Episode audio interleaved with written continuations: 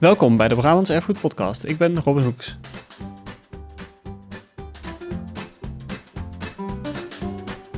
In deze podcast ontdek ik elke week met een gast wat het erfgoed van Brabant is en waarom dan.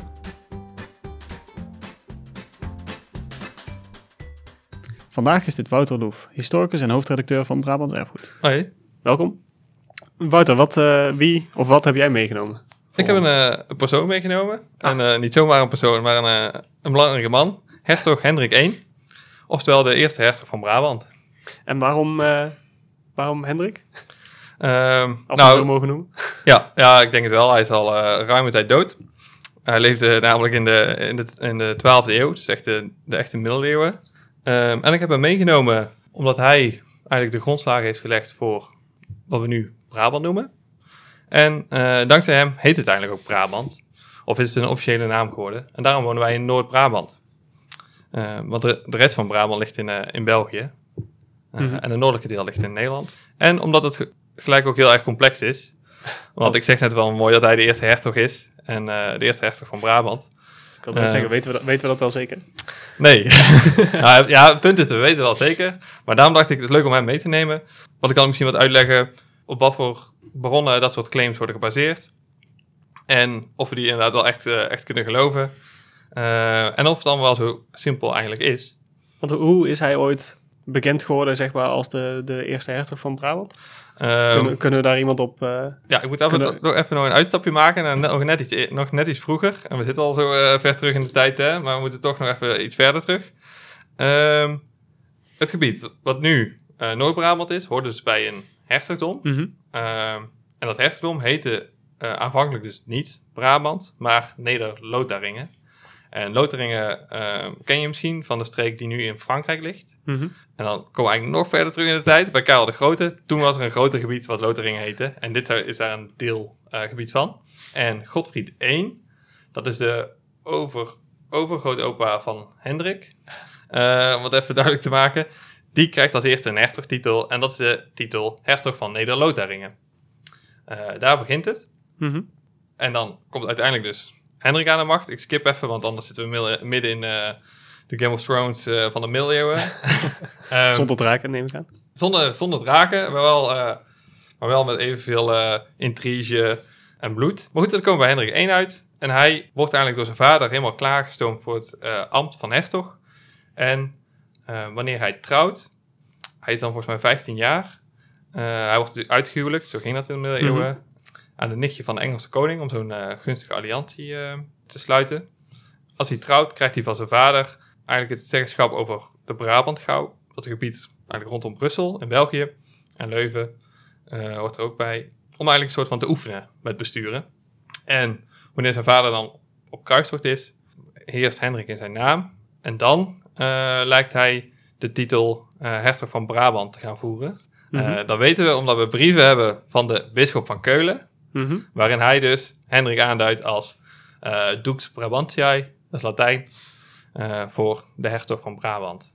En daar ligt eigenlijk de oorsprong van het idee dat hij de eerste hertog van Brabant is. Ja, ja, dus ik heb flink zitten zoeken. En, eh, want je leest natuurlijk overal altijd van, oh ja, Hendrik I, eerste hertog. Maar ik dacht, ja, oké, maar waarom dan? En dat blijkt dus de eerste echte claim te zijn die we hebben. Mhm. Maar, nu wordt het complex. Het is niet zo dat, het, dat die titel hertog van Neder-Lotharingen eh, verdwijnt. Die blijft ook gewoon bestaan.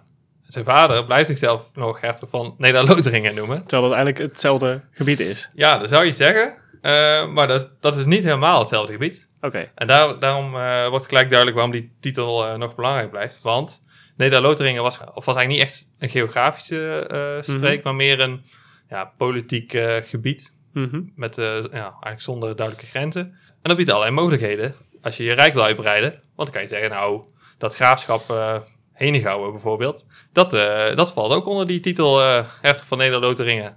Want het was niet duidelijk afgebakend. Oh ja, dus het dat betekent dat je eigenlijk in je wijde omgeving kan ingrijpen. Ja, het is een soort van vrijbrief om binnen een bepaald gebied te claimen dat dat ook bij, in dit geval, Neder-Lotharingen Ja. hoort. Ja, precies. Je zou het eigenlijk kunnen zien als bijvoorbeeld dat er eh, gebied werd gegeven aan kolonisten. Maar dan moesten dat gebied nog wel veroveren op de Indianen Mhm. bijvoorbeeld. Mhm. Dus oké, ja, het is theoretisch voor jou, maar je moet alleen nog even veroveren. Eh, daar ging het toch gelijk mis voor Hendrik. Want eh, die raven die eh, in zijn omgeving zaten, die vonden helemaal niet dat zij onder zijn gezag vielen. Kan ik me op zich voorstellen in de Ja, plaats. ja, precies. En die gaan ook klagen bij de, bij de Duitse keizer. En dan moet Hendrik toch zijn... ja, dan wordt die titel eigenlijk ingeperkt van Neder- Neder-Lotharingen. En dan wordt Her- Hendrik alleen nog maar hertog in Brabant. Maar, dat zou heel mooi zijn hè, als het alleen maar zo zou zijn. Maar ook dit is complexer. Want eh, het lijkt niet per se zo te zijn dat Hendrik zich daarna geen hertog van Lotharingen meer noemt. Integendeel, als je kijkt naar zijn buitenlandse politiek, is hij er helemaal op gericht om eh, eigenlijk de naburige graafschappen nog steeds aan hem te onderwerpen. En dat lukt bij sommige dingen ook best wel aardig. Hij heeft bijvoorbeeld Holland eventjes Brabant gemaakt. En ik als geboren Brabander vind het eh, fantastisch. hij heeft dat even geknecht. En Gelderland ook. Dat veroverde hij allemaal als, met, als, als voorwensel dat hij eh, de hertog van Neder-Lotharingen was en dus dat gebied uit kon Eh, ja, dat zou ook mooi zijn, maar dat is, dat is ook niet zo. Ehm, we hebben eigenlijk ook, denk ik, door films en door videogames zo allemaal het idee dat je zomaar kan gaan veroveren. Mhm, Eh, maar zo werkt dat niet. Je moet eigenlijk een, een claim hebben. mhm, En zijn claim was van, oké, dit gebied hoort bij mij. mhm. Want ik ben hertog van Neder-Lotharingen. En je moest eigenlijk ook een kans hebben. Dus als daar oneenigheid bestond in zo'n graafschap over de opvolging, dan was je kans om het binnen te vallen en dan te zeggen: nee, maar ik steun de echte graaf. Mhm. En die Mhm. graaf die was dan weer eh, trouw aan jou verschuldigd omdat jij hem had- geholpen. Dus dat is eigenlijk meer het ingewikkelde politieke verhaal. En ik denk dat je nu nog steeds heel erg de, de hand van Hendrik in Brabant ziet. Eh, zo heeft hij vers- verschillende steden gesticht of stadsrechten gegeven. Mhm. Daar zit ook nog een verschil tussen. Waaronder ehm, Helmond en Oosterwijk. En waarschijnlijk Bosch. Ja, kijk, en nu zitten we weer in een, eh, in een moeras, hè? Ook Ja, waar, de, zit- waar Bosch Waar bos in ligt. ligt. Maar nou zit, ik, hoorde, ik hoorde twijfel al met in, eh, die je aangeeft met waarschijnlijk. Want ook dat weten we niet helemaal precies Nee, zeker. het is neem ik niet aan. zo dat we een heel mooie akte hebben waarin staat van... Nou, Hendrik eh, richt bij deze Den Bosch op. Maar ja, er zijn twee data die circuleren. Of 1185 of 1190. En in 1190 was Hendrik ook echt hertog. Eh, maar in 1185 was zijn vader nog net hertog. Maar toen heerste Hendrik wel, omdat zijn vader dus weg was. Ja, die was toen op kruistocht. Ja. Eh, dus hij, ja, waarschijnlijk heeft hij dat wel gewoon gedaan. En van, zijn vader heeft geen enkele andere stad gesticht. En Hendrik heeft er daar nog een stuk of, eh, wat zal het zijn, tien steden gesticht of uh, stadsrechten gegeven. Dus het past eigenlijk ook veel beter bij Hendrik dan bij zijn vader. Dus het is eigenlijk ehm, behoorlijk waarschijnlijk dat de hertog in Sertogenbos, dat dat Hendrik, dat dat verwijst oorspronkelijk naar, eh, naar Hendrik 1. Dat het zijn bos is. Ja. Ja, precies. Ja. Ja. het bos Ja. van de hertog. Hoe is al deze historische informatie tot ons gekomen? Is dat, heeft Hendrik 1 zelf een eh, mooi dagboek bijgehouden? Of eh, is dat een, een ja, je noemde net al wat, dat er hier een, een, brief van de bisschop van Keulen naar ehm, Hendrik 1, waarin hij voor het eerst eigenlijk aangeduid wordt als ehm, hertog van Brabant. Ja. En eigenlijk als eerste persoon ooit als het ware zo aangeduid wordt. Ja. Ehm, ja, hoe zijn dat, dat zijn de soort van bronnen waar we het in, de, bij, in het geval van Hendrik 1 van moeten hebben? Eh, ja. ja, je ziet inderdaad eh, verschillende soorten bronnen, denk ik. Ik denk dat het wel goed is om die even uit te splitsen. Ten eerste Mhm. heb je denk ik de, ehm, die brieven. En die brieven zijn niet, niet per se eh, heel persoonlijke brie- brieven, maar dat is- meestal zit er ook een eh, politieke afspraak in. Misschien Of, wat, wat wij misschien diploma diplomatiek verkeer zouden noemen Ja. eigenlijk. Ja, en bij ons zijn vaak die e-mails allemaal geheim. Maar eh, deze zijn heel goed bewaard. Daarnaast eh, hebben we actes. Dus eh, als er vrede werd gesloten of als er rechten werden gegeven aan de stad. Of soms ook als de stad werd opgericht hebben we er actes van. Maar die hebben we ook niet allemaal, omdat het zo lang geleden is. En af en toe ook als brand uitbreekt op sommige plekken, Mhm. waardoor eh, stukken vergaan. En de laatste, het laatste type bronnen is eigenlijk de chroniekschrijvers. Dus dat zijn geestelijke meestal die ehm, de geschiedenis van hun klooster eh optekenden of van een graafschap. En ehm, daarmee ook keken naar, eh, ja, naar de politieke invloeden. En dat kan heel sumier zijn. Het kan gewoon zijn op eh, in eh, 1193 eh, eh, werd het klooster door de bliksem getroffen. Maar het kan ook veel uitgebreider zijn.